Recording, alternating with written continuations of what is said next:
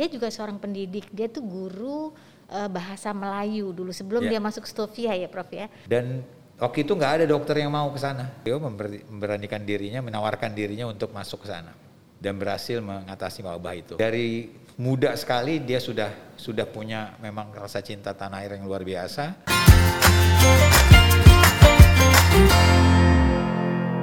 Baik, selamat pagi. Assalamualaikum warahmatullahi wabarakatuh. Salam sejahtera buat kita semua. Selamat datang di Pod CM atau Podcast Cipto Mangunkusumo di mana kita membicarakan mengenai pendidikan, kesehatan, dan perumasakitan. Pada hari ini kita akan membicarakan mengenai uh, eh, RCM nih dalam edisi khusus ulang tahun yang ke-102 kita kedatangan tamu yang sangat-sangat penting dan suatu kehormatan beliau bisa hadir bersama kita Beliau meraih penghargaan Satya Lencana di uh, Satya Lencana di tahun 2004 pemenang terbaik Medika Award, pemilik hak paten, inhibitor of esterase di Jerman, Amerika Serikat, Eropa, Kanada dan Jepang. Kemudian beliau juga ini pasti udah ketebak, pernah menjadi direktur medis RSCM, direktur utama RSCM di tahun 2013 Direktur Jenderal Bina Upaya Kesehatan Kementerian Kesehatan dan juga pernah menjadi Ketua Bidang Penanganan Kesehatan di Satuan Tugas Satgas COVID-19. Perkenalkan tentunya selamat datang Profesor Dr. Dr. Akmal Taher, spesialis urologi konsultan. Assalamualaikum, Prof. Waalaikumsalam, Dr. Ya. Apa kabar, Prof? Sehat, Prof? Alhamdulillah. Alhamdulillah. Baik, uh, kita akan membicara sedikit nih Prof karena ini berkaitan dengan ulang tahun RSCM yang 102 nih Prof. Kita akan membicarakan mengenai Dr. Cipto Mangunkusumo. Ya. Nah, kita akan membicarakan misalnya tentang pemikiran beliau, keyakinan dan pemahaman yang mestinya ter, tergambarkan di Rumah Sakit Cipto ya dan dapat menanggap uh, menghadapi tantangan masa depan nih Prof. Mungkin Prof ada yang bisa disampaikan tentang Prof Cipto ini, Dr. Cipto ini Prof. Maaf. Ya. Terima kasih. Jadi uh, Dokter Cipto Mangunkusumo ini uh, uh, menjadi uh, nama dari rumah sakit yang kita cintai ini. Uh, saya mulai dengan mengingat mengingat waktu itu uh, saya pertama kali setelah karena saya udah saya udah tua nih dokter ya. Jadi umurnya saya tahun 74 jadi mahasiswa tahun 76 77 udah di rumah sakit Cipto. Cuman terus sampai tahun mungkin sekitar tahun 2000 eh, 2010 gitu eh, saya direktur utama waktu itu kemudian ada yang bilang eh, dari salah satu bagian dari teman sejawat dari penyakit dalam bilang ke saya eh, sebagai direktur kita rayakan ya ulang tahun rumah dokter Cipto Mangunkusumo. Saya bilang benar juga ya. Hmm. emang ulang tahunnya kapan? Dibilang eh, 8 Maret atau berapa gitu. Yeah Oke. Okay. 4 Maret. Iya 4 Maret ya. Saya bilang oke okay, kalau gitu nggak apa-apa kita kita dengar. Jadi dibikin dibikin bagian penyakit dalam ya kita direksi datang cerita aja tentang Dr. Cipto. Hmm. Saya terus terang agak ter, ter, terperangah gitu ya. Melihat ceritanya itu luar biasa kalau buat saya gitu. Kok sekian puluh tahun kerja di sini baru tahu bahwa sebenarnya yang kita namain, nah yang yang apa ya rumah sakit yang uh, diberi nama beliau itu beliaunya itu sendiri rupanya luar biasa gitu loh. Ya. Jadi dari uh, kalau kita karena kita rumah sakit pendidikan kita sudah tentu memberikan pelayanan kedokteran yang atau kesehatan yang baik. Kita juga mendidik, kita juga meneliti. Uh, itu lengkap sebenarnya dulu itu yang pertama yang saya agak uh, kagumi karena uh, beliau itu bukan cuman me, menjalankan tugas seperti yang biasa dokter umumnya lakukan waktu itu, tapi lebih dari itu, dia betul-betul memberikan pelayanan kedokteran, pelayanan kesehatan di satu tempat di waktu itu di Jawa Timur. Ada wabah pes yang kalau orang masuk ke sana itu kayak zaman sekarang barangkali waktu Covid kemarin ya, tapi itu lebih terlokalisir karena dia tidak lewat uh, tidak lewat kontak, lewat langsung uh, lewat tikus, tapi daerah yang di situ kalau orang kena meninggal. Ya. Dan waktu itu nggak ada dokter yang mau ke sana uh, memberantas itu. Beliau memberanikan dirinya, menawarkan dirinya untuk masuk ke sana dan berhasil mengatasi wabah itu. Jadi uh, itu bukan pengabdian biasa, artinya kita biasa berkorban buat pasien, uh, tapi kalau sampai mengambil risiko demikian besar itu itu luar biasa itu satu yang kedua kemudian uh, ternyata apa yang dia uh, beliau itu kerjakan itu beliau tuliskan di satu majalah yang di di majalah di diterbitkan di majalah Belanda tentang itu gitu. Artinya yang cerita kita publikasi yang sekarang kita dalam tanda kutip kita kejar-kejar gitu ya uh, sebagai ukuran prestasi dari seseorang dalam penelitian mereka dia kerjakan juga gitu. Nah Selain dari itu adalah memang sudah tentu uh, apa ya eh, semangatnya untuk untuk tanah air nah itu yang nggak tergantikan. Jadi kalau diartikan dokter ya kalau kita artikan yang namanya pengorbanan itu itu sebenarnya dalam bahasa uh, sekarangnya itu namanya profesionalisme. Sebenarnya profesi itu artinya arti katanya itu dari Latin itu profesi itu artinya berjanji. Janji apa? Janji kepada masyarakat uh, untuk apa kita janji kita bilang bahwa kita akan akan memberikan yang pengabdian kita kepada masyarakat itu. Jadi syaratnya profesional itu dia kompeten, tapi itu nggak cukup. Kita selama ini menganggap wah dia bekerjanya profesional. Kita menganggap kalau profesional itu artinya dia kerja sesuai dengan sesuai kompetensinya. dengan kompetensinya gitu. Enggak.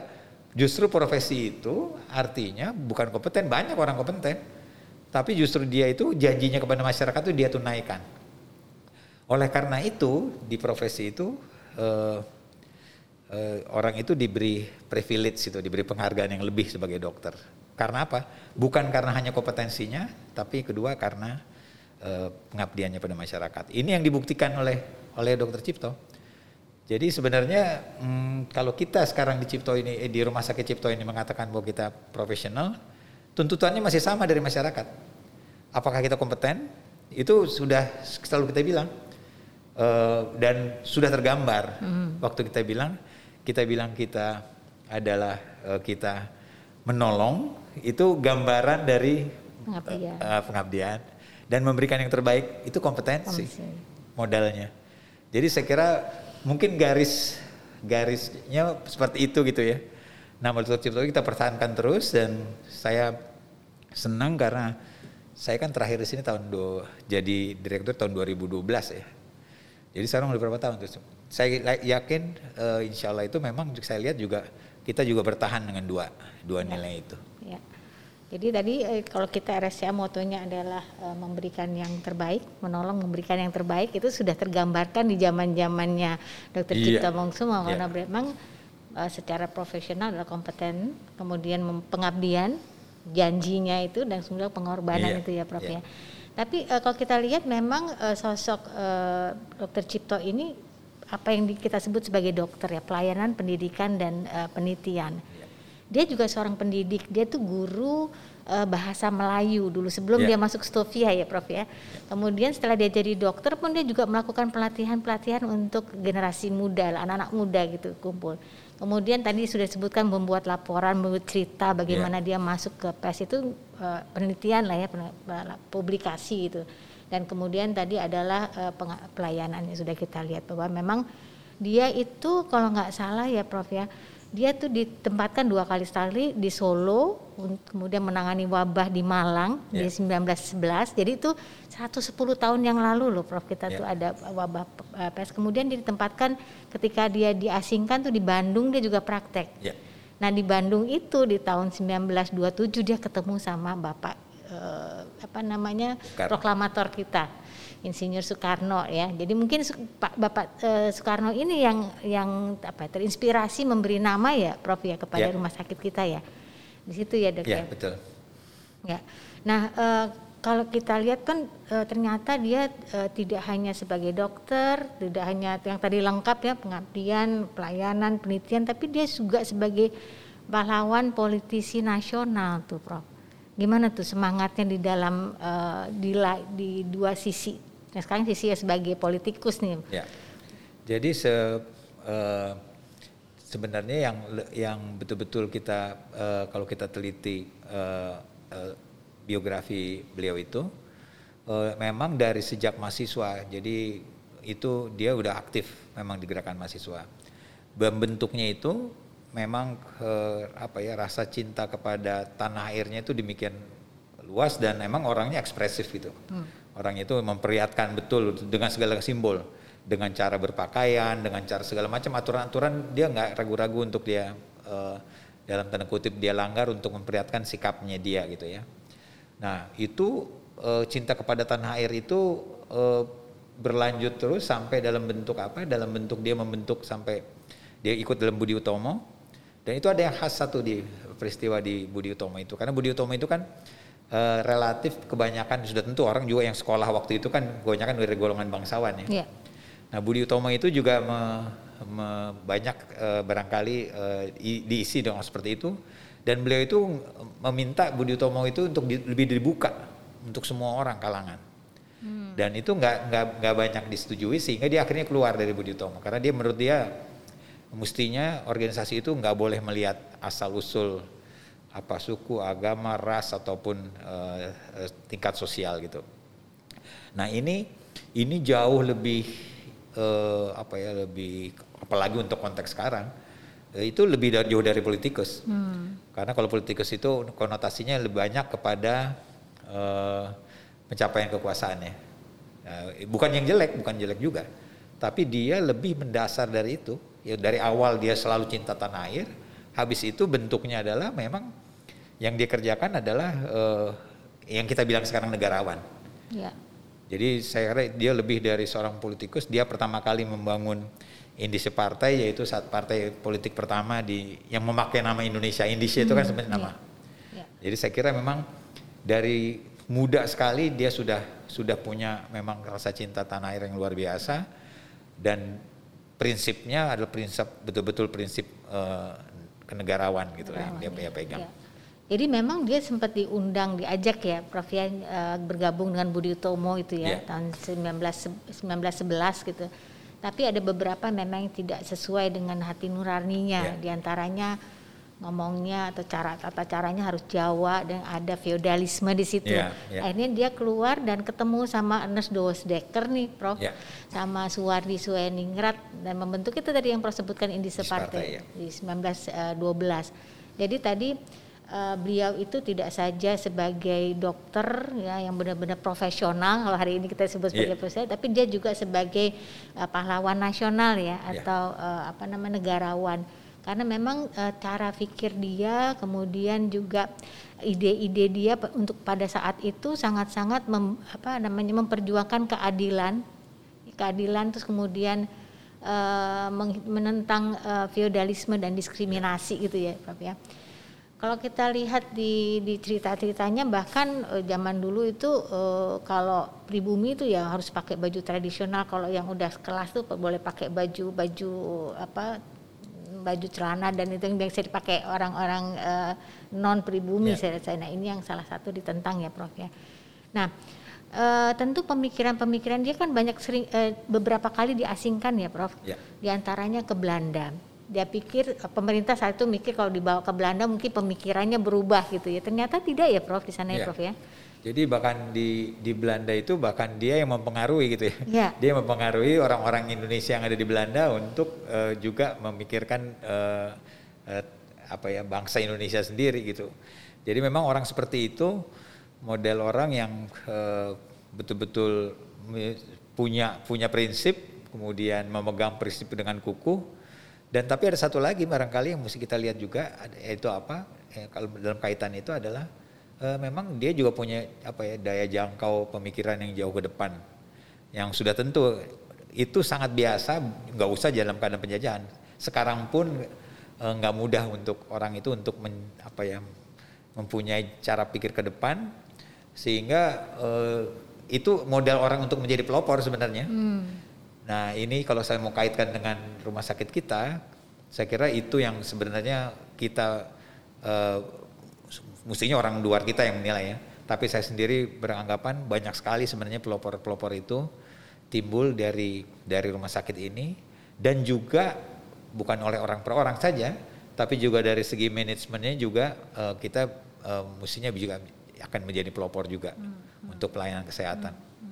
Ya, jadi uh, kalau kita lihat ujian-ujian uh, ya atau ujian-ujian hidup dokter Cipta Mangunkusumo ketika dia dibuang di Belanda dengan asumsi bahwa nanti kalau di Belanda dia tidak bisa mengaspirasikan mengenai diskriminasi dan seterusnya, ternyata justru uh, terbalik ya Prof. Dia yeah. membuat perkumpulan yang tadinya cuma 1.500 menjadi 6.000 gitu. Terus yeah. kemudian menulis dia bikin semacam kayak jurnal atau koran lah seperti yeah. untuk menghimbau bagaimana ketidakadilan pada saat penjajahan itu ini yang yang kita sebut tadi bertekad besar kemudian uh, prinsip yang sangat kokoh dan daya juang ya dan ya. futuristik yeah. makanya yeah.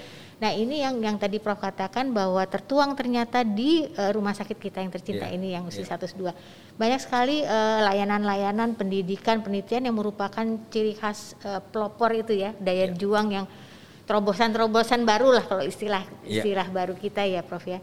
Dan ini tidak terlihat eh, tidak hanya terlihat di dokternya saja ya Prof ya. Yeah.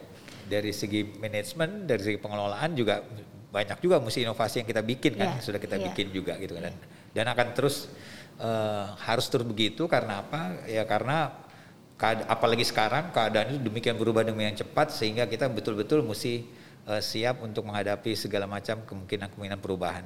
Hmm. Saya kira salah satunya yang saya lihat barangkali uh, saya boleh menilai karena saya nggak masuk di di di manajemen bahwa uh, saya kira cara kita menangani COVID kemarin itu membuktikan bahwa kita cukup agile gitu ya untuk bisa mengubah uh, keadaan di dalam rumah sakit maupun dalam kaitannya dengan pihak luar untuk menangani COVID sehingga kita berhasil gitu ya uh, mengatasi itu dengan baik. Bahkan kalau menurut saya uh, sambil mempersiapkan keadaan post COVID itu sebenarnya nggak hmm. mudah hmm. ya dalam keadaan justru kita mendapat katakan ujian mendapat uh, uh, tantangan uh, kita atasi uh, bukan untuk hanya mengatasi keadaan emergensinya tapi sudah dengan demikian malah kita juga sudah berhasil barangkali menyiapkan beberapa hal dalam menghadapi keadaan post covid yang sebenarnya mungkin sebelum itu kita nggak terdaftar jadi kita uh, ancaman atau itu kita sudah jadikan peluang dan peluang itu sudah kita ambil gitu.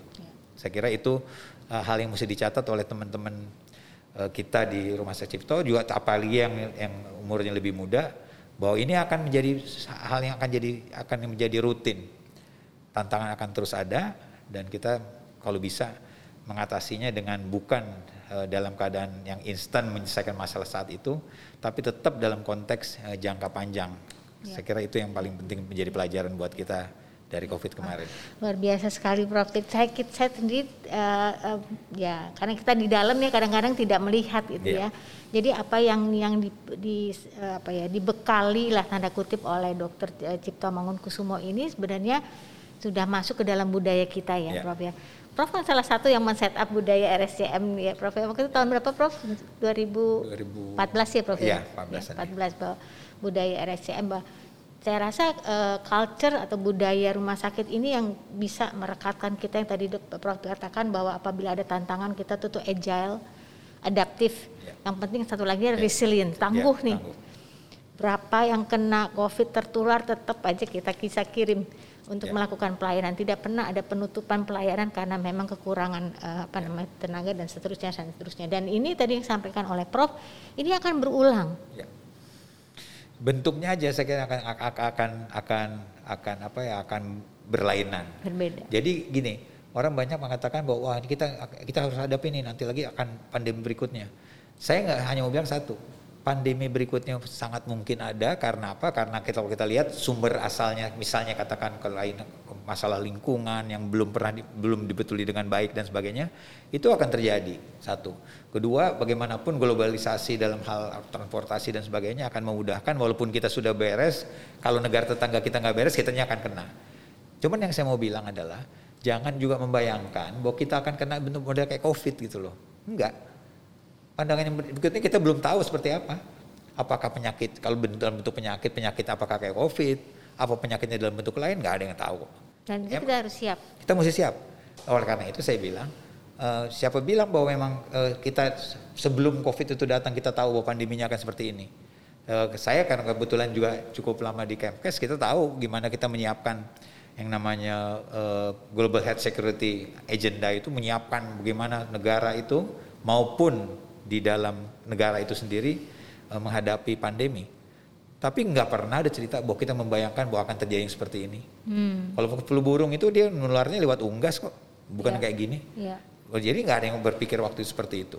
Itu satu. Yang kedua, yang ke depannya akan sama seperti itu. Nah, tapi pelajaran yang kita ambil adalah emang kesiapan kita tadi, kesiapan kita dalam, saya ngomong sistem jadinya. Ya. Kita nggak ngomong orang, kita ngomong sistem. Kalau sistem itu kita siapkan, kita akan tahu yang mana pun yang kita hadapi, selama sistem itu kuat, bagaimana menghadapi keadaan-keadaan emergency itu akan akan jalan. Dan saya termasuk yang cuma dua selalu sistemnya itu mesti kita siapkan. Dan kedua, ini yang akhirnya menentukan yaitu orangnya kita mesti siapkan. SDM-nya dok. SDM-nya. SDM-nya punya mesti punya kompetensi tadi yang kita kita bilang tadi. Kompeten, dia mesti kompeten, sesuai dengan bidangnya masing-masing. Dan kedua dia punya jiwa emang untuk iya. Eh, gimana ceritanya sih kalau kita lihat gimana kita lihat bukan cuma dokter perawat kita yang uh, luar biasa banyaknya dan kemudian kena kemudian harus tetap mesti datang. Iya. Itu saya kadang-kadang saya merinding loh kalau lihat itu loh Bayangin yeah. itu orang-orang itu begini berjuang itu dokter-dokter juga seperti itu. Itu nggak bisa nggak itu nggak bisa instan. Yeah. Makanya saya bilang saya selalu mengatakan e, sudah tentu kita senang lihat ada relawan, ada yang nanya apa. Tapi itu itu itu menurut saya aksesoris, bantuan ad hoc. Tapi yang mesti jadi core tetap adalah pegawai-pegawai kita di RSTM maupun tenaga dokter, perawat, tenaga yeah. administrasi semuanya yeah. bersatu bahwa memang kita siap untuk setiap saat menghadapi kita diminta lebih dari yang kita mau bisa kasih kadang-kadang gitu kita rasanya tapi itulah yang uh, profesi yang kita pilih ya ya jadi memang di awal-awal tuh prof di awal-awal kita di tahun uh, Januari eh, Maret lah Maret 2020 gitu kan itu mendadak sekali kan. Kita ya. dengar di Cina kemudian di uh, apa namanya Amerika kemudian di Eropa negara-negara tanda kutip adidaya itu semua pada rontok. Baru Maret baru kita dengar ada itu benar-benar mau nangis mau tak mau takut cemas tapi pengen pengen melayani gitu kan. Jadi ada ada adaptasi tapi, tapi tidak lama tuh Prof. Habis gitu semua dengan serta merta sign up kita yeah. bikin apa namanya kita bikin daftar ya siapa yang mau bekerja nanti kita turunkan sesuai dengan jumlah uh, apa namanya peningkatan pasien COVID yang kita layani bahkan RSCM awalnya belum ditunjuk sebagai rumah sakit COVID ya Prof ya, waktu yeah, itu kita ingat betul. bahkan kita bilang kita harus jadi rumah sakit COVID karena apa alasannya? Karena pasien-pasien kita sendiri yang kronis, yang gagal ginjal, cuci darah, yang pasca apa itu COVID. Iya. Gak mungkin deh ke mana ini kita bikin salah satu di antara ini prosesnya juga panjang. Kebetulan ada gedung Kiara nih, eh, gedung yang kita tempatin sekarang Prof, kita buka satu dua tiga empat lantai untuk khusus untuk mereka ada kamar operasinya, laboratoriumnya, radiologinya, ada apa namanya eh, triasenya segala macam dan itu semua SDM. Jadi kita bagaimana menggerakkan radiografer, perawat, nakes, non nakes, dan medis tentu ya dokternya ya, tapi itu adalah yang tadi pengab, perlu pengabdian. Ya. Jadi eh, kalau saya sih melihatnya selalu sistem itu mesti kuat, ya. kemudian orangnya kita siapkan. Nah pada saatnya di situ baru kelihatan nanti ceritanya kepemimpinan. Diuji di situ cerita leadership, di situ cerita manajemen ya. bergerak. Kenapa? Uh, saya mengikuti di Kemkes, Indonesia itu kesiap uh, ada ada ada namanya joint external evaluation itu satu kesepakatan antar beberapa bangsa dipimpin oleh Amerika itu untuk menilai kesiapan ini sebelum sebelum pandemi nih. Belum menghadapi pandemi ya untuk uh, global health security. Itu ada scoring sistemnya. Hmm. Indonesia itu scoring angka skornya itu 60 dianggap 60 ya menurut saya tapi penilaian itu agak terlalu tinggi sebenarnya 60 itu 60 persen 60 skornya dari 100 itu lewat batas lulus belum tuh Prof? Gak, dia nggak pakai lulus pokoknya angka aja tapi kita lihat sekarang Inggris sama Amerika itu angkanya 85 dan hmm. 90 hmm. tapi rontok juga ya nah rontoknya kenapa?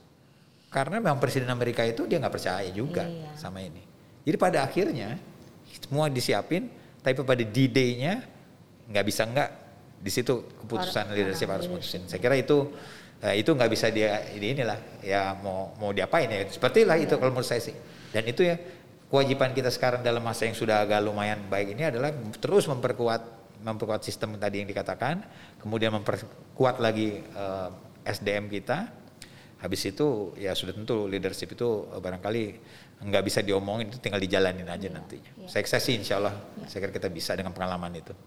Jadi tadi sudah disampaikan mengenai sistem salah satunya adalah SDM. SDM yang yang tadi ya profesional, yang pengabdian, pengorbanan dan juga ada leadership di situ ya Prof ya yeah. manajemennya. Kalau sistem kesehatannya juga tampaknya juga mendukung sekali ya. Maksudnya gini, sistem kesehatan di Amerika itu kan belum belum ajak-ajak tuh yeah, gitu ya. Yeah. Ketika mereka datang berobat, uh rame gitu, siapa yang menjamin? Yeah. Nah kalau di Indonesia BPJS gila bahkan ada jaminan kalau COVID tambahan jaminan dari ya. pemerintah. Ini juga suatu sistem mungkin ya Prof ya. ya. Saya kira memang sistem kesehatan itu uh, sangat menentukan uh, kekuatan. Tapi sayangnya sistem kesehatan itu kan sangat tergantung juga pada politik dianut di masing-masing negara. Ya. Jadi di Amerika Serikat kalau mau diambil contoh ya memang dia negara liberal yang tidak banyak negara ikut campur. Sistemnya ekonomi pasar, jadi ya siap dengan prinsip Eh, pada satu saat juga kalau misalnya ada satu tempat penuh eh, orang akan berpindah ke tempat lain tanpa diatur. Hmm. Kalau kita kan nggak kita atur gitu ya.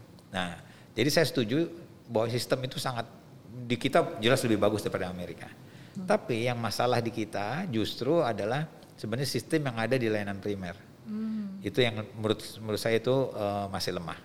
Karena uh, masih lemahnya karena uh, Eh, indikator kesehatan kita memperlihatkan hal itu bahwa banyak sekali usaha-usaha preventif promotif itu yang tidak berjalan dengan baik sehingga uh, akhirnya jatuh ke rumah sakit hmm. pasiennya hmm. akhirnya pasien jatuh ke rumah sakit uh, dan dengan kos yang sangat tinggi betul, juga tetap betul, akhirnya betul. nah saya kira kalau kita bisa memperkuat layanan primer dengan baik kemudian pasien yang datang ke rumah sakit itu selektif memang yang harus di rumah sakit apa yang kita lihat di negara-negara yang bagus sistem seperti itu, primary care-nya kuat, rumah sakitnya jadi kuat karena apa? Karena biaya pengobatan jadi murah. Hmm. Karena di layanan primer sudah selesai. Hmm. Uh, angka rujukan di Belanda antara 9-10 persen yang dirujuk cuman ke, ke rumah sakit. Di kita masih 16 persen. Hmm. Jadi jangan bangga dulu ya kalau rumah sakit itu ramai ya Prof ya? Iya ramai, kalau ramainya sesuai dengan pasien yang harus ada di situ nggak apa-apa. Tapi kalau kalau ramenya udah udah nggak karena di tempat lain udah nggak bisa nggak mau nggak mau mesti datang, nah itu udah payah. Nah hmm. di di luar negeri itu yang kuat layanan primernya, uh, dia berhasil uh, uang itu di spare di bawah, ya nggak usah masuk ke rumah sakit karena emang nggak perlu, tapi uang itu dipakai di rumah sakit untuk gini rumah sakit itu kalau menurut saya berapapun dikasih uang untuk teknologinya nggak akan pernah cukup nggak ada kalau buat saya itu bilang tuh nggak ada langitnya tuh di situ. Tapi pelayanan itu jadi makin bagus. Kenapa? Emang karena emang ada uangnya untuk hmm. itu dan pelayanannya bagus. Jadi kalau mau dihitung case fatality rate-nya dia akan rendah. Hmm. jadi untuk yang tadinya biasanya pasien itu meninggal ini jadi enggak kenapa? Karena kita punya pelayanan yang lebih tinggi dari itu. Karena uangnya cukup. Karena uangnya cukup untuk apa? Karena memang yang, yang jumlah orang yang ke rumah sakit ini seperti yang dokter ya bilang itu nggak terlalu banyak uh, sehingga bisa dipakai betul-betul dengan kualitas aktivitas pelayanan, kualitas pelayanan. pelayanan. Ya. Saya kira itu itu kuncinya sih ya, sekarang ya, kalau menurut saya. Ya. Jadi kita juga melihat nih Prof ya karena uh, ketika di awal-awal pandemi kok Indonesia tinggi sekali kan salah satu yang ya. tertinggi yeah. di uh, Asia Tenggara kayaknya ya. Yeah. Apa namanya kasus-kasus baru dan yang meninggal. Jadi kalau kita lihat-lihat apakah begitu rentah, bukan rentan, rentanya apa e, masyarakat kita kayak sehat tapi nggak sehat itu ke ketimpaan virus terus langsung dia masuk ke dalam yang harus dirawat eh, seperti itu ya Prof ya. Jadi memang eh, pelayanan primer itu harus masuk ke dalam sistem. Tadi Prof eh, menyampaikan juga kita harus siap dalam kan ini kan kayak cycle ya siklus. Yeah. Kalau tadi PES itu uh, 110 tahun yang lalu, belum lagi kita apa namanya uh, yang kalau kita dengar-dengar yang lalu adalah uh, apa namanya black apa black fever ya. Black fever. Black fever kemudian ini PES.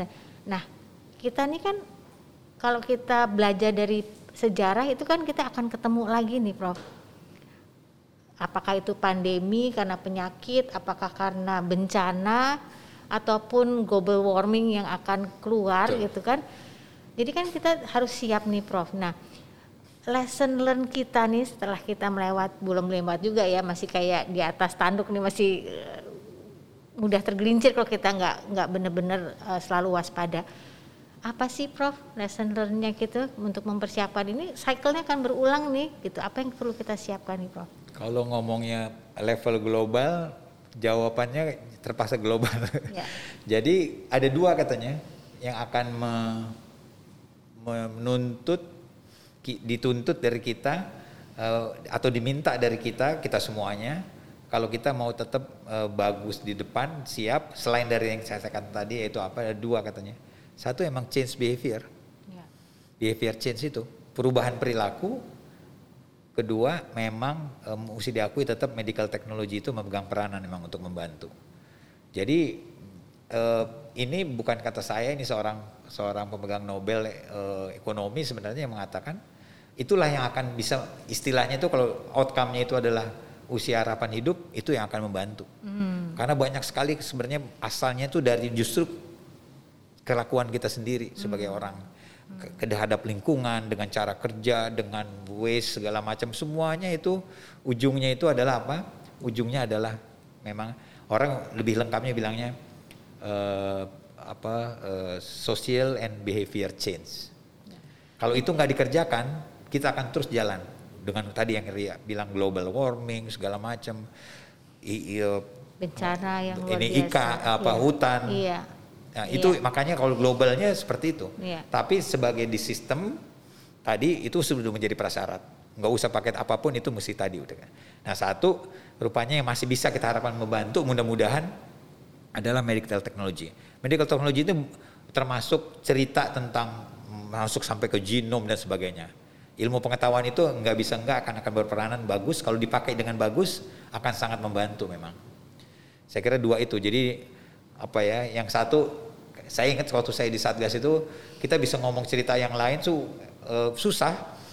Cerita bagaimana menanganin rumah sakit menangani apa tapi begitu ngomong cerita tentang bagaimana suruh orang pakai masker dan sebagainya itu wah itu baru ceritanya cerita ya. lumayan susah ya. itu jadi gitu. jadi tadi Prof kita untuk menang apa siap menghadapi apa global apa, apa ya bencana ya bencana global gitulah ya satu harus ada sistem tadi siap ya. ya sistemnya ada terus kemudian behavior change uh, behavior change itu termasuk ya tadi pakai masker lebih lebih kayaknya kita lebih bersih lebih hygiene sekarang ya lebih Betul. sering cuci tangan kalau yeah. dulu kan cuci tangan yeah. kalau mau makan aja sekarang kalau kita pegang apa rasanya pengen cuci tangan ke kamar mandi juga kadang-kadang ada beberapa orang saya lihat langsung keluar nggak cuci yeah. tangan saya lebih cuci tangan jadi behave pakai masker ternyata masker itu juga mungkin yang sering setahun dua kali flu sekarang jadi jarang gitu ya yeah. Prof ya jadi behavior change itu termasuk juga uh, individual uh, responsibility kali ya yeah. Prof ya.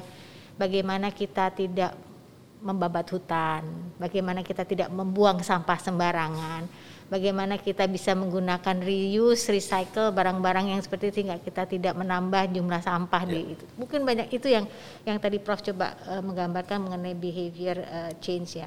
Atau lagi itu adalah medical technology. Yeah uh, genom, kemudian saya rasa banyak lagi ya. Sekarang dengan ICT dengan segala macam dengan uh, artificial intelligence semuanya ya. bisa dipakai untuk ya. untuk ini. Nah kalau begitu Prof rasa karena ini global kan kita udah menjadi uh, anggota global, anggota dunia lah ya masyarakat global. Jadi nggak bisa lagi apa yang terjadi di Singapura nggak akan terjadi ya. di saya itu udah nggak mungkin lagi tuh. Karena kita ada satu rumah secara anggota global berarti bentar lagi ke kita nih. Ya. Karena tadi Prof bilang kan transportasi nggak ada yang kita bisa ya. batasi. Kalau gitu perlu nggak sih suatu suatu mekanisme mengatur secara global nih Prof?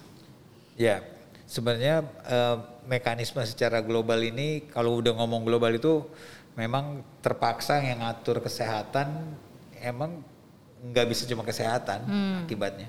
Hmm. Karena banyak faktor pada akhirnya waktu pengat itu mau dicoba diatur yang pertama kali adalah selalu challenge-nya adalah uh, kita tetap berpikir kan untuk untuk kepentingan juga tiap negara ya. Mm-hmm. Itu kita pikir uh, ini dampaknya terhadap terhadap satu negara itu gimana. Kedua, kalau kita lihat kalau pengaturan yang secara global itu menyangkut produksi, menyangkut produksi vaksin, menyangkut semuanya yang menyangkut ekonomi, itu ada yang ada yang memang yang dipegang oleh swasta, ada yang dipegang oleh pemerintah. Jadi tetap uh, secara teoritis mudah disebatkan kita membuat uh, apa ya pengaturan atau uh, istilahnya itu yang sekarang sekarang dibilang arsitek oh, dari iya. kesehatan iya. yang baru. Global Health Arsitek. Ya itu itu pada pada prinsipnya memerlukan betul waktu liwat uh, apa platform yang ada misalnya. Itu sebenarnya yang dipegang itu sekarang tadi itu kan G2, G7, G20 itu sebenarnya semuanya maksudnya adalah ini global untuk bagaimana masing-masing dengan lewat platform itu karena kan kalau G7 itu kan yang negara yang paling banyak penghasilannya ya, tujuh negara. Habis itu jadi 20 hmm. negara. Kita lihat sekali tuh bagaimana mengaturnya uh, waktu di perjalanannya kayak waktu kalau kita lihat dengan kaitannya dengan WHO misalnya kelihatan banget gimana negara-negara ini yang megang kunci. Waktu Donald Trump itu betul-betul uang dia berani itu memutus uangnya. Jadi ketergantungan terhadap negara itu uh, repot gitu loh. Uh, 40 persen waktu itu uh, di WHO itu ya. datangnya dari Amerika. Amerika. Dan waktu kita berhadapan dengan presiden Amerika yang seperti itu, waduh, itu untung cepat mereka mencari dana lain dari dari nah itu sebenarnya itu juga bagus karena lebih mandiri. kuncinya di situ. Semua negara tetap pegang itu. Sekarang aja masih ada yang sinis kan. Oh 3 G7, G20. Ah yang kayaknya yang nentuin cuma G2 deh, Amerika sama Cina. Jadi nggak 20. Iya, ya kan? Iya, kita ketua G20 tapi yang menentukan tetap bukan dua aja akhirnya. Nah, iya. maksudnya gini. Uh, betul kita memerlukan itu, cuman saya sendiri terus terang saya nggak nggak terlihat ahli di situ, tapi saya harus bilang pada kenyataannya tidak mudah platform-platform yang dipakai itu untuk dikerjakan. Tadi kan platformnya bisa dari dari UN. Yang di bawah UN itu adalah WHO. Tapi di luar itu yang tadi nih, yang GG berapa ini ini juga mesti dipakai. Jadi multiple tempat itu yang mesti di, mesti diberesin hmm. dengan cara masing-masing. Tapi intinya, nah kalau di intinya seperti itu, ada yang uh, sangat betul-betul kita mesti barangkali kita mesti sadari adalah Eh, ketergantungan kita ke negara apa pun itu sedapat mungkin mesti dikurangin itu juga jadi jadi jadi salah satu kunci kalau menurut hmm. saya sih. Hmm. Kalau selama kita akan tergantung susah karena kita nggak bisa deh terlalu mengharapkan dari global. Ya. Sekarang ini baru satu barangkali awal akhir tahun kemarin waktu mulai pertama kali ada vaksin itu hasilnya ada keluar hasilnya percobaan itu Dirjen WHO-nya udah bilang kan dari awal saya pengen ini eh, dibagi 30 persen paling enggak mesti orang dapat dulu. Sekarang udah ada yang 7 persen, ada yang 80 persen, ada yang udah tiga kali.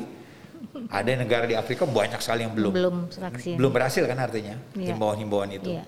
Yeah. Walaupun kalau kita lihat kita diceritain sumbangan yang udah dikasih pada negara yang maju kepada yang miskin itu lebih banyak, udah jauh lebih banyak, tapi ternyata kenyataan di lapangannya nggak cukup.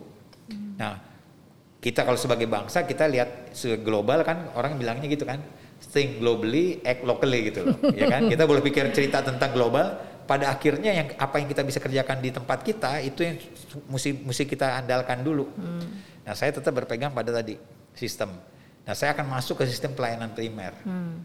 karena itulah yang paling banyak sekarang menyangkut apa ya uh, sudah terbukti evidence-nya uh, dengan pendekatan menguatkan layanan primer itu eh, kita akan mendapat health outcomes yang lebih baik dalam hal mortalitas morbiditas dia menyangka yang paling efisien dan yang ketiga itu yang lebih menjamin equity di negara hmm. kita dan ketiga ini ini masalah besar nih negara kita masih soal equity hmm. jadi menurut saya sih sistem itu yang mesti kita kita perkuat betul gitu loh hmm. kalau kita mau jalankan dan uh, tapi dengan persyaratan dia itu pelayanannya itu walaupun didukatin di primer nanti dia itu continuum care-nya mesti terjadi dengan di atasnya. Saya sangat percaya pada sistem di mana uh, memang uh, rumah sakit membantu kalau menurut saya sih nggak tahu ya kalau saya dengar sekarang mau bantu rumah sakit rumah kalau saya tuh yang paling penting justru rumah sakit yang paling bawah itu bisa membantu yang di puskesmas itu dokter praktek ya, mandiri ya, dan sebagainya ya. karena ini kuncinya nih ya karena di sini ada ya, kalau yang ini saya uh, saya saya berpikir uh, oke okay, bagus barangkali tetap untuk dilakukan tapi kalau harus pilih nah ini pemilihan ini kadang-kadang dokter ya yang kita uh, sebagai negara harus harus betul-betul berani mengambil keputusan Karena kalau banyak yang kita mau kerjakan, semuanya banyak. Semua nggak dikerjakan. Nah akhirnya, Sem iya, semua nggak dan nggak dikerjakan. ada prioritas dan Iya. kemudian hasilnya nggak jelas, Iya. Iya. nggak jelas dalam artian eh, karena kayak obat tuh dosisnya nggak cukup sebenarnya. Iya, iya. Karena dibagi kecil-kecil. Ah, ah, dibagi kecil-kecil. Ya jadi memang eh, dana ada, manpower ada, tapi kalau dikerjakan berbarengan, Ya, nggak- ya, nggak- mesti sama kayak kita wabah kayak kemarin ya, Iya, ya, begitu betul. ada lonjakan capacity pas semua di bulan Juli, Juli, ya. Berapapun bed ICU-nya nggak akan cukup. karena bersamaan, Iya. gitu ya, Prof. Jadi harus ada priority dan kemudian kalau kita memang mau berkolaborasi internal kita harus kita kuatkan dulu dengan satu Betul. sisi sistem ada sehingga kita ada bargaining power mungkin seperti itu ya, Ya. maksudnya ya. Kalau kita cuman nggak ada bargaining power, cuman kerja aja dan meminta, mungkin kita nggak jadi prioritas pertama juga ya, Prof. ya. Jadi Betul. kita nggak bisa eh, global globalnya itu yang global system itu tidak menjadikan mak- bermakna besar buat kita ya. Jadi kita Ya. harus ini semua. Nah, kalau kita lihat kembali lagi nih ke Dokter Cipto, sebetulnya dia sudah memikirkan itu ya, Prof ya mengenai eh, sistem walaupun dalam skala-skala kecil gitu. Jadi sudah me- me- meletakkan batu-batu fondasi awal ketika dia harus berpikir satu profesional, kompetensi, kemudian pengabdian, kemudian pengorbanan, terus terus menyuarakan keadilan dan diskriminasi terus di mana pun juga walaupun dia dibuang di apa di segala macam dia terus dari konsistensi itu ya perjuangan itu yang yang kita baikkan jadi dengan adanya pandemi tentunya ini juga memberi kita eh, apa namanya mm, spirit bahwa dokter Cipto juga pen- ada motonya tuh Prof. Ya. tidak bisa kita jangan sampai kalau nggak salah jangan kita membiarkan eh, apa namanya wabah mem- eh, mem- memakan anak-anak Jawa gitu kan kita tidak bisa diam dan jangan jadi kan mendorong supaya kita tidak eh, tidak putus asa dan tentu semangat nah Prof eh, sedikit lagi nih mengenai eh, enam transformasi sistem kesehatan Indonesia. Ini kan baru saja nih dari Kementerian Kesehatan ada enam pilar transformasi nih, Prof. Tadi sudah dibicarakan yang pertama nih transformasi layanan primer itu memperkuatkan eh, upaya pencegahan, deteksi dini, promosi kesehatan, membangun infra- infrastruktur dan ada lain. Bagaimana nih, Prof? Dari enam tadi pilar tadi itu bisa sampai kita uh, membuat sistem kesehatan kita, SDM kita gitu ya menjadi agile, adaptif, resilient untuk bisa uh, tangguh nanti menghadapi ya semualah tadi uh, pandemi kah, uh, bencana kah, global warming ataupun apa pun uh, disrupsi yang ada. gitu. Ya, jadi saya eh, eh, pikir transformasi kesehatan itu memang eh, satu hal yang yang yang mutlak dilakukan karena apa? Eh, begini, waktu kita dapat pandemi jelas kelihatan ya gimana eh, lemahnya sistem kesehatan kita masih. Kemudian kedua eh, orang banyak tanya sekarang mulai mulai landai ini, wah kalau gitu kita gimana ke depan nih gitu kan? Ya. ya kita transformasi transformasi satu hal yang sangat sangat penting kenapa karena saya selalu bilang gini eh, kalau kita mengatakan ke depan kita mau apa kita bayangin kalau gitu kalau pandemi selesai jadi endemi katakan jadi gimana keadaannya saya bilang enggak kita belajar aja sebelum ada pandemi kayak apa Hmm. Sebelum pandemi keadaan kita itu enggak betul Iya. karena saya bilang tadi kita semua orang tahu angka kematian itu sekarang eh, eh, hampir semua negara angka kematian itu ya jantung dengan stroke bukan cuma Indonesia. Iya. Tapi ada yang trennya sudah turun, kita masih naik. Hmm. Angka riskesdas memperlihatkan itu. Iya. Artinya apa?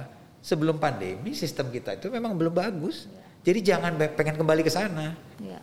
Itu namanya menurut saya legitimasi yang paling bagus untuk menyatakan kita perlu transformasi satu. Nah kedua baru sekarang transformasinya yang, yang kayak apa? Saya eh, pikir eh, pendekatan yang dilihat tadi itu eh, enam itu eh, hampir-hampir mirip-mirip sebenarnya six building blocks-nya WHO itu sebenarnya. Apa eh, pelayanannya gimana, tenaganya gimana, keuangannya gimana, itu kan itu Iya. kan sistem Iya. sistem. Saya lebih cenderung sebenarnya kayak saya bilang tadi berulang-ulang, saya lebih senang pendekatan sistemnya adalah eh, yang mana sih yang sebenarnya mesti du- dibetulin duluan. Hmm. Semua yang dalam situ mesti dibetulin. Kita ngomong layanan primer, it's enam enamnya itu mesti di, tadi nih ya, Iya. orangnya dibetulin, Sistem si- rujukannya. sistem rujukannya dibetulin, Iya. sistem pembayarannya Biayanya, dibetulin dan sebagainya, ya kan? Ah, ah, teknologinya. Tapi kalau saya pikir kita harus berani karena ini yang selama kita selama ini kalau saya mereview yang sebelum pandemi itu adalah emang ketidak konsistenan kita untuk menguatkan layanan primer itu yang nggak pernah konsisten. Hmm. WHO bilang uh, kalau layanan primer mau dikuatkan, layanan kesehatan primer dikuatkan, satu persen dari GDP itu itu harus jatuh ke sana. Karena komitmen politik itu harus tergambar dalam politik anggaran uang. Hmm. Kayak kita juga di direksi kan. Yeah. Kalau kita bilang kita prioritasan itu buktinya apa? Salah satunya ya kalau ada emang uangnya itu mesti dikasih ke situ juga yeah. karena yeah. itu prioritas gitu. Yeah.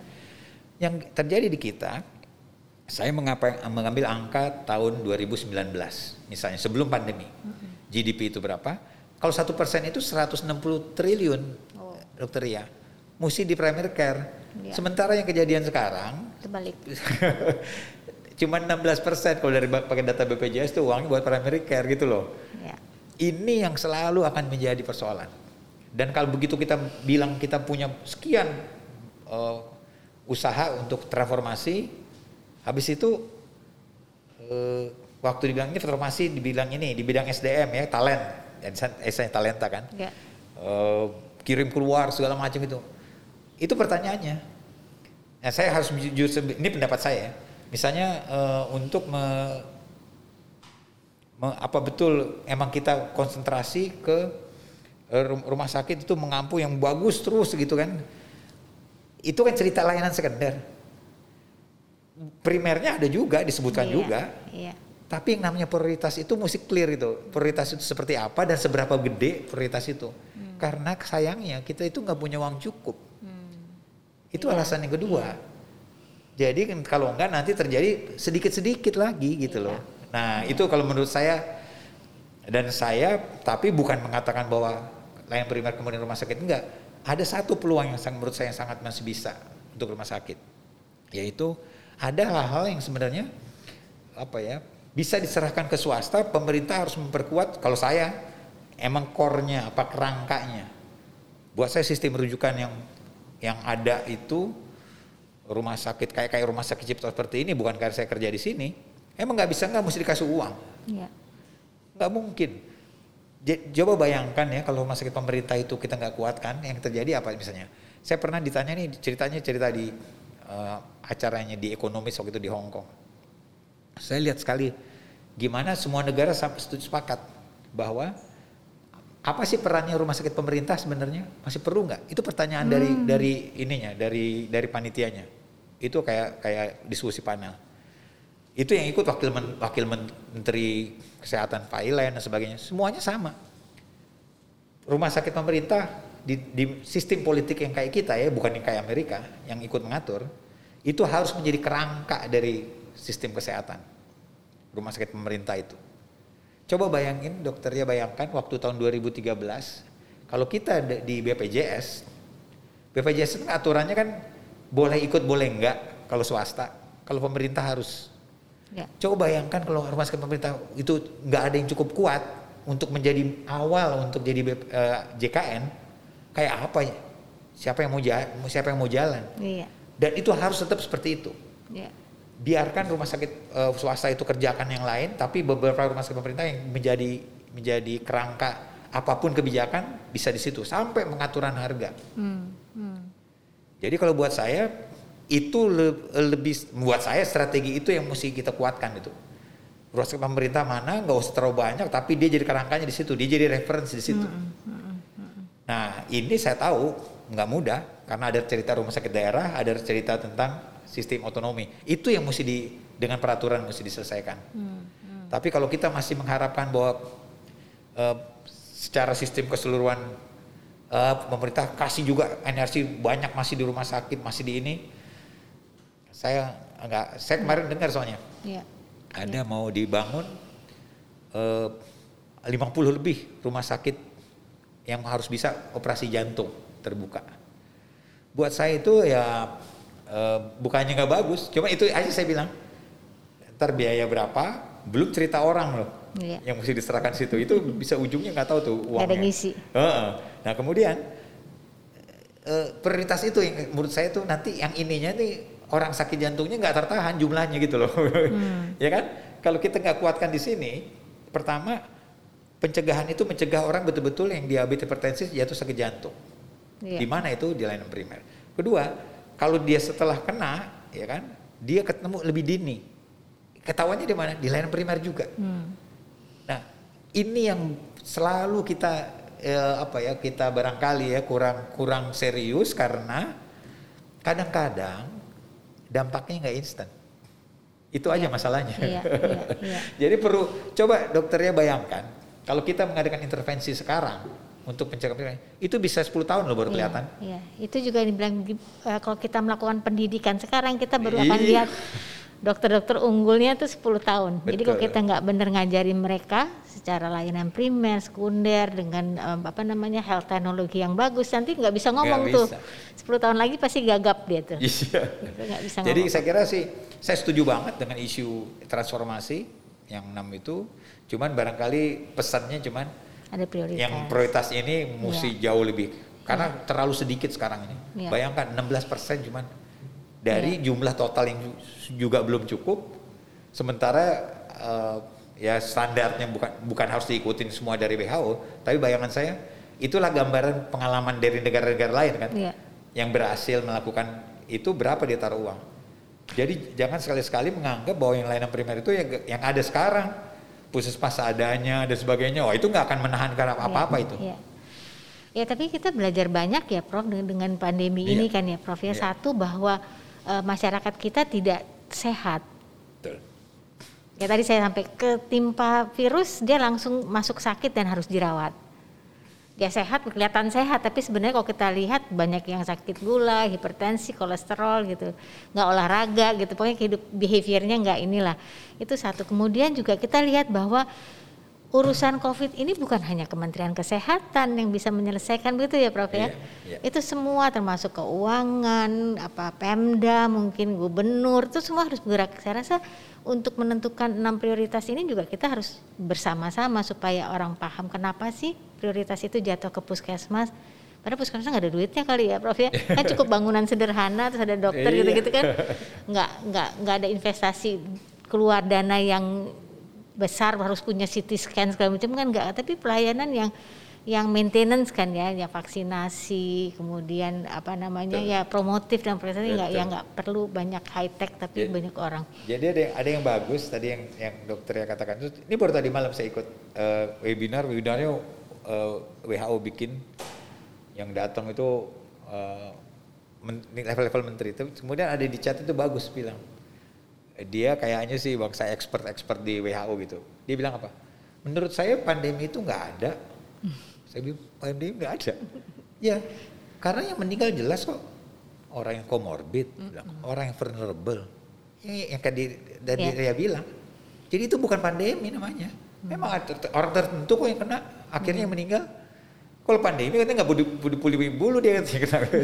itu membayangkan bahwa memang sistem yang sebelum kita ini kayak apa Iya. itu kan tergambar dari prevalence Iya. komorbid semua ya itulah yang saya bilang kalau transformasi tolong lihat sebelumnya jangan kembali ke ya sebelumnya nggak bisa kembali ke jadi sebelumnya. ukurannya kita akan berhasil kalau saya gampang sekarang kalau nggak ada terobosan yang bagus beneran nggak udahlah nggak akan jadi Hmm. Saya ambil contoh misalnya. Eh, kita nggak bisa me, eh, penyakit TBC misalnya. TBC itu eh, sampai sekarang kita masih nomor dua kali di dunia jumlah absolutnya. Ya. Bisa 40 400 ribu orang berobat TBC tercatat aja nggak bisa tercatat. Karena apa? Karena orang yang berobat ke dokter paru, ke dokter penyakit dalam, yang penyakit praktek swasta itu nggak ngelapor, iya nggak Iya. tahu. Jadi kita kalau kita nggak tahu dan dia yang cuma ngobatin orangnya, nggak lihat ke rumahnya seperti apa, nggak nggak cari kontaknya siapa yang supaya nggak ketular dan sebagainya, itu kan kayak covid sebenarnya. iya iya Nah, yang saya mau saya mau ceritakan adalah dengan dengan apa ya dengan cara cara seperti sekarang kalau kita nggak nggak mengubah nggak akan terjadi perubahan. Saya ambil contoh sekarang gini, puskesmas itu 10.000 ribu yang ada di Indonesia sekarang, 10.000 ribu lebih dikit lah, ya. Dok nih yang, yang tercatat di BPJS nih, yang dikontrak oleh BPJS 10.000 ribu lebih sedikit juga. Jadi ada 20.000 ribu, 20.000 ribu eh, unit service, service unit ya, unit pelayanan. Kalau kita sekarang ya mengatakan reformasi itu namanya adalah puskesmas diperbaikin, kita cuma memperbaiki setengah dari masalah Indonesia. Hmm. Itu dan itu terjadi juga apa? Angka di BPJS persis sama. Orang yang pertama kali sakit kalau 10 orang sakit di Indonesia, itu cuma lima yang datang ke puskesmas, yang limanya enggak. Hmm. Jadi kalau kita bilang kita mengadakan reformasi betulin puskesmas, kita betulin setengah Indonesia cuman. Ya. Itu satu. Hmm. Apa jalan keluarnya? Jalan keluarnya justru yang yang sekarang kalau saya yang di sekarang yang di di luar puskesmas ini dokter praktek mandiri, klinik pratama dan sebagainya. Ini yang mesti diberdayakan. Ikut juga dalam program-program pencegahan, bukan jadi puskesmas intervensi misalnya um, ikut memeriksa pasar, bukan itu sih public health intervention biasa. Hmm. Tapi yang bentuk sekarang gini, orang diimunisasi, orang bilang oh iya itu public health. Iya public health. Tapi nyuntik orang itu bukan public health, biasa aja itu semua dokter juga bisa. Hmm, hmm. Dokter praktek mandiri juga bisa. Turki melakukan itu. Ini sama nggak sih uh, Prof dengan BPJS yang kapitasi itu per kapitasi? Iya. Jadi dia kan oh, dibayar berdasarkan orang yang sehat iya. ya Prof ya. Iya, tapi tapi kapitasi yang sekarang berlaku itu tidak menghitung kalau dia melakukan usaha-usaha yang kayak tadi itu, hmm. imunisasi. Persis itu yang saya mau katakan dari habis ini. Sekarang orang yang di, punya kapitasi 5000 dia mesti ngasih jamin bahwa orang yang dikapitasi dia itu diimunisasi anaknya. Hmm dan sehat. Dan dengan dalam segitu coverage tiba-tiba prevensi preventif itu jadi banyak hmm. tanpa ngutang-ngutik puskesmas dulu. Hmm. Puskesmasnya kita betulin juga. Nah hmm. dengan kayak begitu saya menurut saya kalau ini saya ambil contoh aja. Kalau kayak begini transformasinya terobosannya saya membayangkan tuh coverage-nya udah kelihatan nambahnya berapa. Hmm. Tapi kalau kita masih dengan sistem yang ada sekarang, puskesmas aja dibetulin, uh, puskesmas ada berapa? Katanya ada 600 yang nggak ada nggak ada dokternya, dokternya ya. nggak ada ininya. Pertanyaan hmm. saya sederhana kok, Ria. Hmm. Saya tanya sekarang, puskesmas Menteng, apa jumlah orang kurang? Hmm. Puskesmas di kota Madia Bandung misalnya, semua di kota Madia itu puskesmasnya lengkap semuanya, peralatan lengkap, orang lengkap. Apakah kematian di kota Bandung itu turun? Enggak. Iya. Jadi masalahnya bukan cuma tenaga, bukan bukan salah itu. Ini masalah tentang sistem, sistem pelayanan, ya. sistem ya. pelayanannya. Dan, dan, dok, dan mungkin puskesmas dulu di bawah Kementerian Kesehatan ya Prof ya. Sekarang enggak ya, ya, ya. ya. Jadi Cuman maksud saya tuh uh, uh, ya itulah itu kan emang konsekuensi keputusan politik kita ya. untuk uh, desentralisasi. Ya, ya, saya ya, kira itu barangkali ya. sih. Jadi setuju banget saya transformasi itu dilanjutkan. Hmm. Cuman kalau saya boleh titip pesannya uh, prioritasnya mesti ada banget kap karena uang kita nggak cukup. Nggak cukup untuk semua ya Prof. Jadi harus ada wah luar biasa kita udah bicara cukup banyak nih hampir satu setengah jam nih Prof. Yeah. Baik sebelum uh, jadi tadi udah disampaikan bahwa uh, tadi rumah sakit pemerintah itu harus selalu didukung karena dia punya misi. Yeah. Misi tertentu yang yang tadi uh, apa namanya menjaga kesehatan, promotif promotif juga, kemudian ada kuratif juga untuk memang uh, mendukung ya menjadi dan dan satu lagi uh, dia itu jadi tempat pendidikan. Iya. Dan uang iya. pendidikannya mesti dikasih gitu. Iya. kayak sekarang gitu. Dikasih dikasih bisa. residennya rumah sakit pendidikannya gak jelas sebenarnya mau dikasih uang berapa gitu. Ya jadi kontribusi rumah sakit betul, itu luar biasa. Luar biasa sekali ya. Ya kalau kita lihat juga pasien-pasien kita ini nggak mungkin ke rumah sakit swasta ya iya. kalau kita lihat pagi-pagi itu saya bilang bagaimana mereka harus ke rumah sakit swasta ya, ya? Nggak mungkin sekali gitu.